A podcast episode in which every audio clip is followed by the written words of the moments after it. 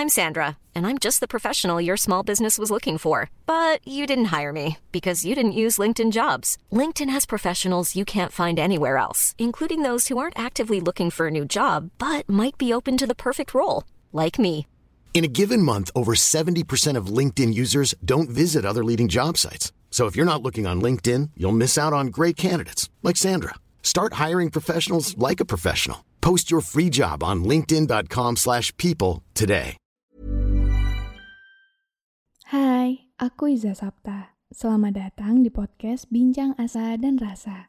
Terima kasih sudah berkenan mendengarkan episode ini. Jangan lupa aktifkan lonceng notifikasi, follow, dan beri bintang untuk podcast Bincang Asa dan Rasa biar kamu gak ketinggalan episode selanjutnya. Semoga dengan mendengarkan podcast ini, kamu gak ngerasa sendirian. Jadi, selamat mendengarkan.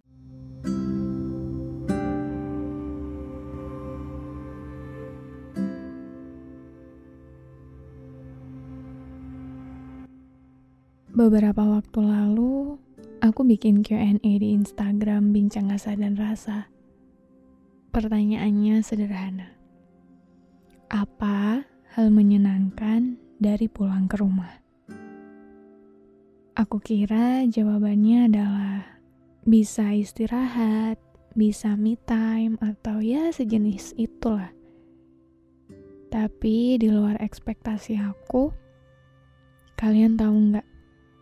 Mostly dari teman-teman di Instagram reply dengan satu kata, yaitu ibu.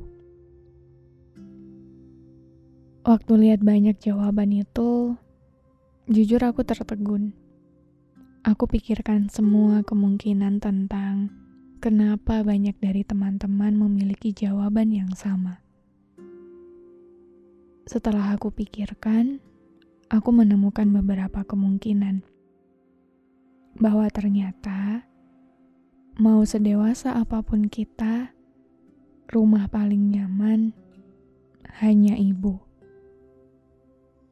Tentang bagaimana kita di mata ibu akan selalu menjadi anak kecil yang harus selalu dia lindungi. Setelah aku pikir-pikir, iya juga ya. Pulang ke rumah jadi selalu menyenangkan karena ada ibu di sana. Istirahat paling tenang adalah kembali ke ibu. Rumah selalu jadi hal yang paling dirindukan karena ada ibu. Ibu yang dengan senyum hangatnya selalu menyambut kedatangan kita, lalu pelukannya yang erat membuat lelah yang sudah bertumpuk jadi luruh seketika. Bahkan di setiap kedatangan anak-anaknya, ibu selalu menjadikan hari itu sebagai hari besar karena akan selalu ada banyak makanan favorit kita di meja makan. Pun, kamar kita jadi sangat rapi dan wangi. Bahkan terkadang ada baju baru di lemari. Mungkin di mata ibu, kita selamanya akan selalu menjadi putra-putri kecilnya. Dulu waktu kecil, bahkan mungkin sampai sudah sebesar ini. Aku yakin banyak dari kita pernah melakukan hal yang sama. Waktu ibu tidur, kita sering kali memastikan apa ibu masih bernafas atau enggak. Kita tunggu perut ibu naik dan turun, biar kita bisa tahu bahwa ibu masih hidup. Biar kita bisa tidur nyenyak atau bermain dengan tenang. Terus dulu waktu kita pulang sekolah, ibu adalah orang yang pertama kali kita cari. Seolah-olah kita wajib memastikan ibu masih ada di sini. Ibu gak ke mana-mana. Ibu gak meninggalkan kita.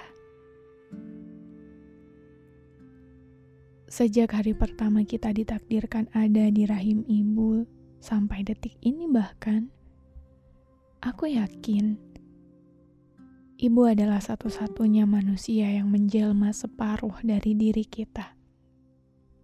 Karena siapalah selain ibu yang bisa merasakan apa pun perihal kita lebih baik dari diri kita sendiri.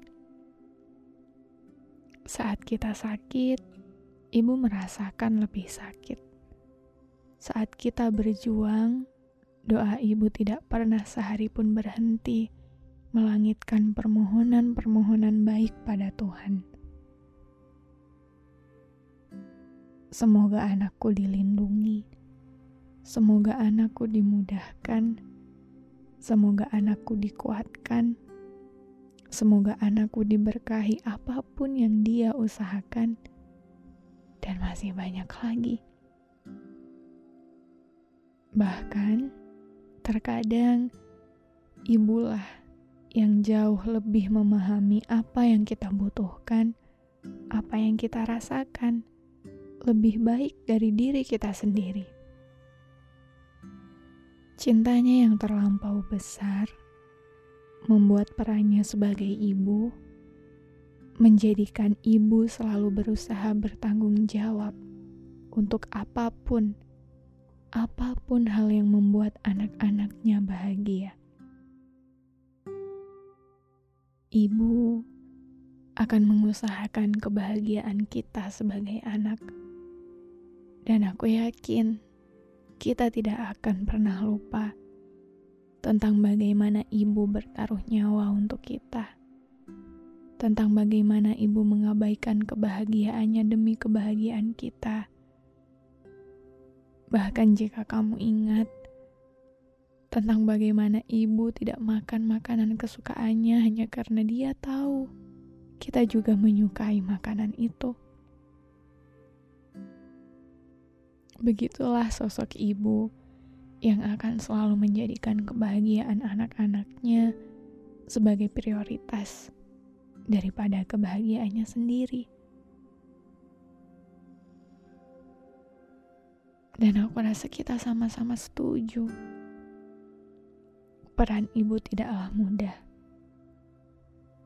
Setelah menjadi ibu, ibu mengorbankan banyak hal di hidupnya termasuk juga mimpi-mimpinya. Maka semoga ibu kita dicintai Tuhan lebih besar dari cinta yang ibu punya untuk kita. Dan terima kasih banyak untuk ibu, untuk seluruh ibu hebat di dunia ini. Terima kasih banyak sudah mau jadi ibu dan mempertaruhkan segalanya meskipun peran ini tidaklah mudah. Semoga ibu sehat-sehat selalu. Semoga anak-anakmu bisa hidup dengan baik, bahkan lebih baik dari bagaimana doa-doa yang ibu langitkan sepanjang usia selama ibu hidup di dunia. Sekali lagi, Terima kasih banyak sudah jadi ibu yang hebat.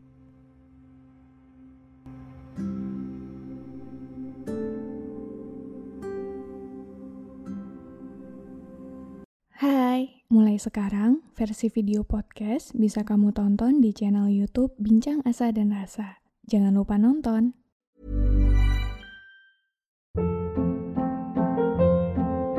Hold up. What was that? Boring. No flavor. That was as bad as those leftovers you ate all week. Kiki Palmer here, and it's time to say hello to something fresh and guilt-free. Hello Fresh. Jazz up dinner with pecan-crusted chicken or garlic butter shrimp scampi. Now that's music to my mouth. Hello Fresh. Let's get this dinner party started. Discover all the delicious possibilities at hellofresh.com.